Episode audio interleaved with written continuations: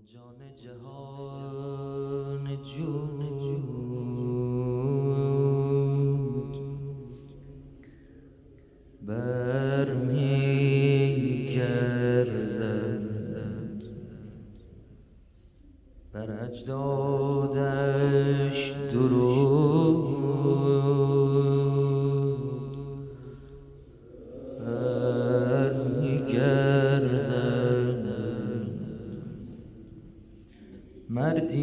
که شنیده اید غیبت دارد. با آنکه نرفته بود.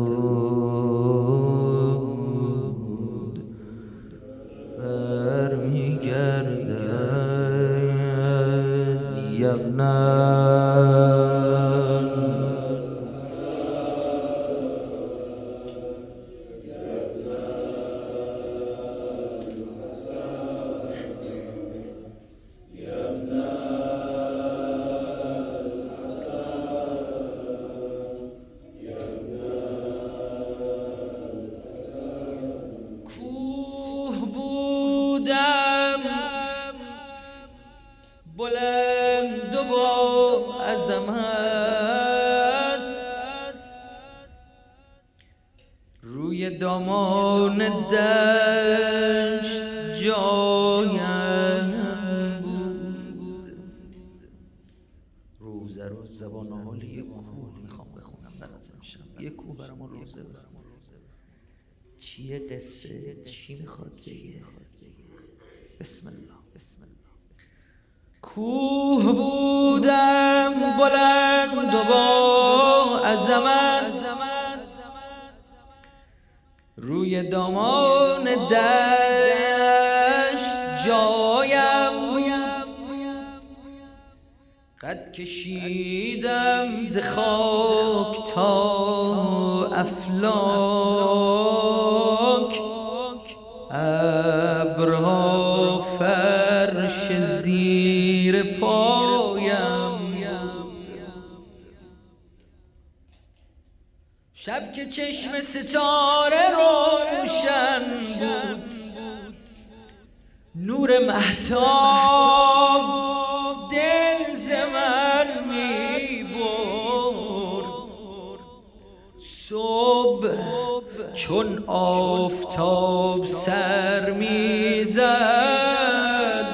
اولین پرتوش به من می‌خورد دفتر وحی حق که روز به روز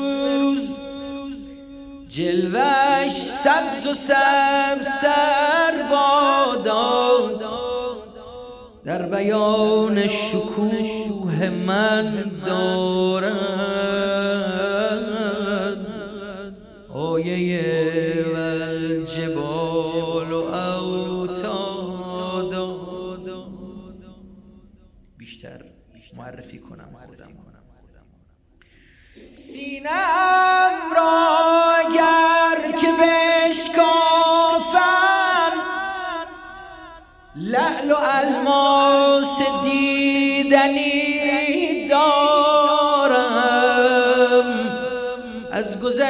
زمان و الارض خاطراتی شنیدنی دارم. صبح یک روز چشم وا کردم. ضربه تیشه بود گوش خراش. تخت سنگی شدم. جدا از کوه افتادم به دست سنگ تراش.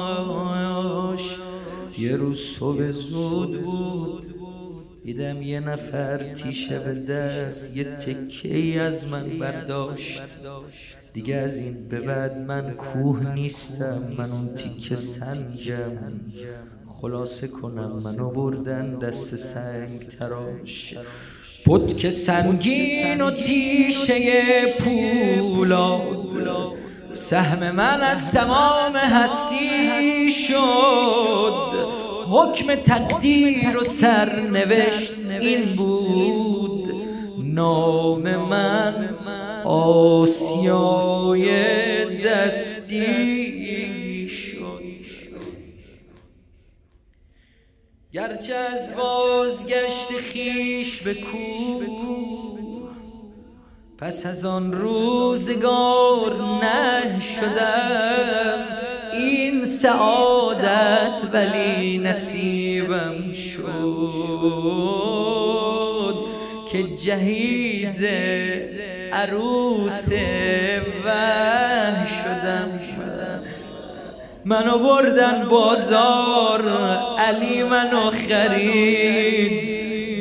علی منو به عنوان جهیزه فاطمه تقدیم فاطمه کرد و حرف دل آقا جان من خودم میگم. یه جنس افتاده به در نخورم.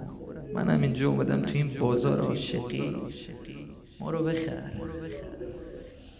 گوشه خانه مرا بردم که حضور بهشت آنجا بود. برترین سرپناه روی زمین بهترین سرنوشت آنجا شد در آن خانه. جای من. دستی از جنس یاس و نیلوفر شد در آن خانه آسیا گردان. گرچه سنگم ولی دلم می‌خواست جان او را شوم بلا گردان. هر زمان گرد خیش چرخیدم میشنیدم تلاوت قرآن راز خوشبختی روح سنگین و سخت من کم کم. تازه شده از تراوت قرآن. ببخشید ذره طولانی ها. می‌خوام یه ذره با دلتون بازی راز خوشبختی مرا چه کسی؟ جز خداوند دادگرداند. کی گمان داشتم مرا؟ روزی جبرئیل امین بگردان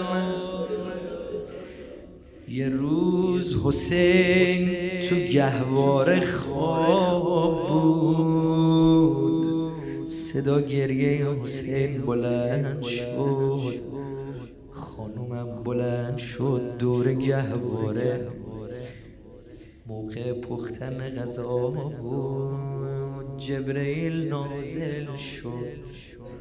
شروع کرد دستاسو گرفتن و چرخاندن. به مقامی رسیدم که چنین بوسگاه فرشتگان شدم. مثل رکن مقام کعب عزیز در نگاه فرشتگان شدم. بارها شد که با خودم گفتم ای که داری به کار نان دستی کاش ای جان کاش هرگز خاطرت نرود. وامدار چه خانه ای؟ از برکت وجود توه که بچه ها دارن نان می‌خورن. خانه روزه. ببین من خیلی رو شما مستمع حساب کردم. خانه آسمانی خورشید. خانه روشن ستاره و ما. خانه و خانه قرآن خانه خانه انما یرید الله. از همین خانه تا ابد جاری است چشمه فیض چشمه احسان سایبان معطر اینجاست.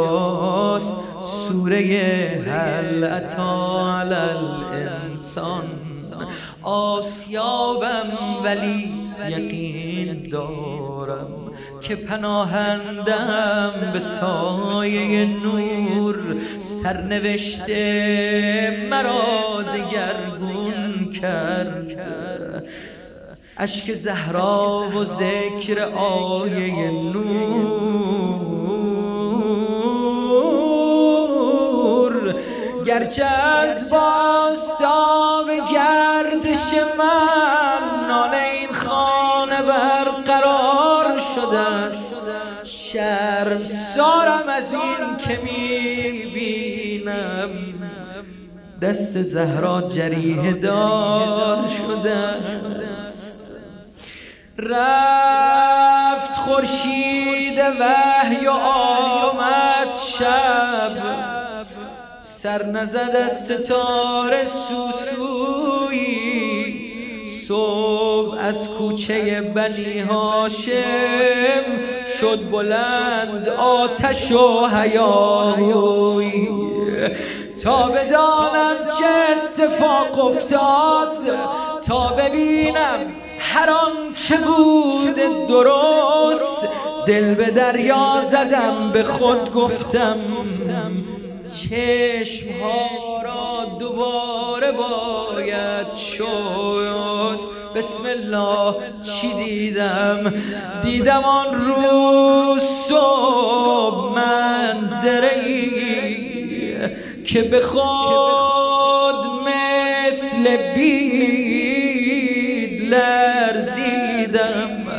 آتشم زد شرار دل وقتی شله را به چشم خود در همان آستانه ای که از قدسیان را به نظرها بود. اشک چشم ستارگان میریخت بین دیوار و در. خبرها بود. من به حسرت نگاه می کردم.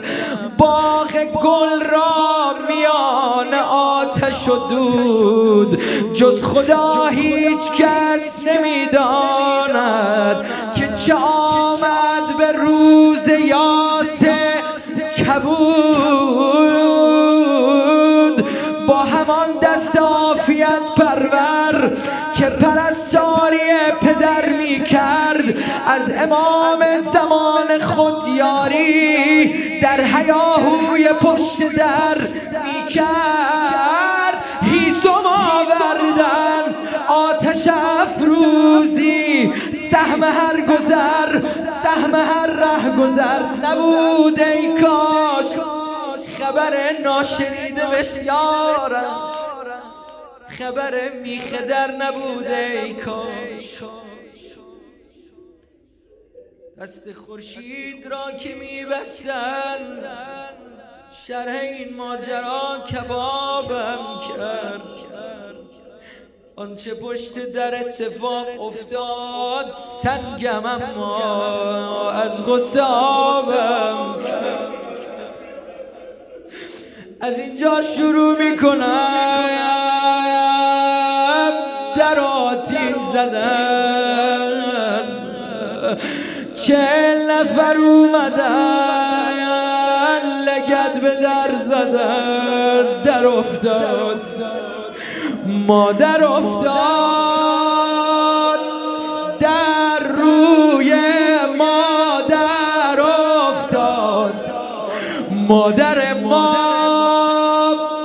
یا امام زمان. خب ببین ببین من تاریخ بخونم چون که می‌دونم این روز خیلی حساسه شاید سوال بشه. و سقط طول وجهی من مادر ما میگه با صورت زمین خوردم. میگن دور گردن مولا تناب بستن. سوال کنیم از کجا وارد خونه شدن؟ خب چجوری وارد خونه شدن؟ بابا مادر افتاده. افتاده راه باریکه چهل نفر با پا رو در رد شدن.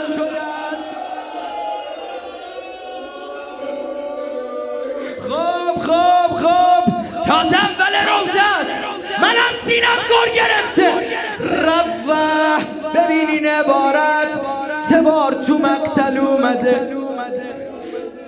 برای ما موسی ابن جعفر اومده ساق المردود. اول بگم برات روه یعنی چه؟ دیدی وقتی یه چیزی رو هی میکوبی کوفته میشه. به این میگن رو خب برا ساق امام موسی ابن جعفر این عبارت اومده. همیشه برای من سوال بود. بابا میگن مادر ما بین در و دیوار گیر کرد درسته؟ ولی اولین بار بین در و دیوار گیر کرد. هی مقاومت می‌کرد لگد به در زد. در و شکون مادر افتاد. در رو مادر افتاد. چه نفر رد شدن. شکست. رفه فلوها بابا آدابو ببین. هیچ جا نداریم خانوم. علی جان بگه. می‌فهمی چی دارم میگم؟ حدیث کسا رو ورق بزنیم. امیر المومنین اومد السلام علیک یا الحسن. السلام علیک یا امیر المومنین با این ادبیات خانم مولا رو صدا میزن. یه جا سراغ دارم دیگه این ادبیات استفاده نشده. صدا زد علی جان به دادم بره. اینجا بود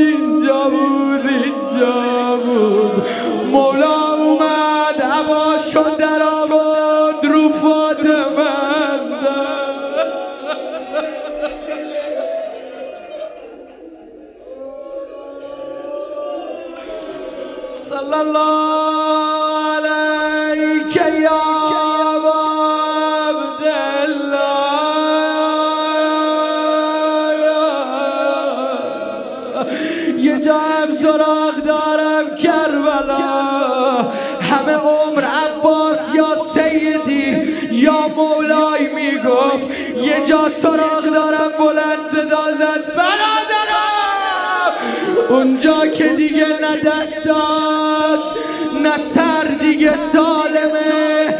تیر به چشم خورده عمود به سر خورده با صورت زمین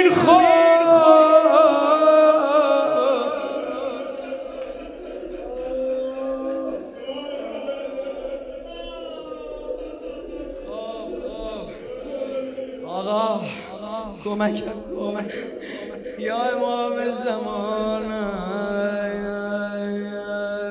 هر طوری بود فزه اومد خانوم و بلند. تا چشماشو بازگرد صدا زد علی را کجا بردم؟ مگه من بمیرم بذارم کسی به علی برسه؟ بلند شد دنبال هیدر میدوید. این بعدیشو شما می‌فهمید خجالت می‌کشم. اما این جای حرفی داره. شکر خدا زینب ندید.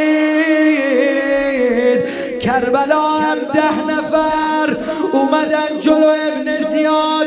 نحن رضقنا الصدر بعد الظهری ما بودیم که نلای تازه به اسبامون زدیم. صدای استخونای شکسته می اومد. زینب سر شوالا گرفت. دست رو سر گذاشت. اینجا بود که خانوم دوید. اینجا بود که می‌خواست برسه. به سمت گودال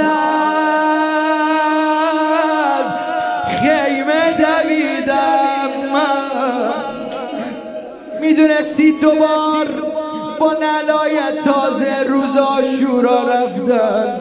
من اینجا رو دارم میگم ناحیه مقدس گفته. امام نفس داشت اینا با نل تازه بود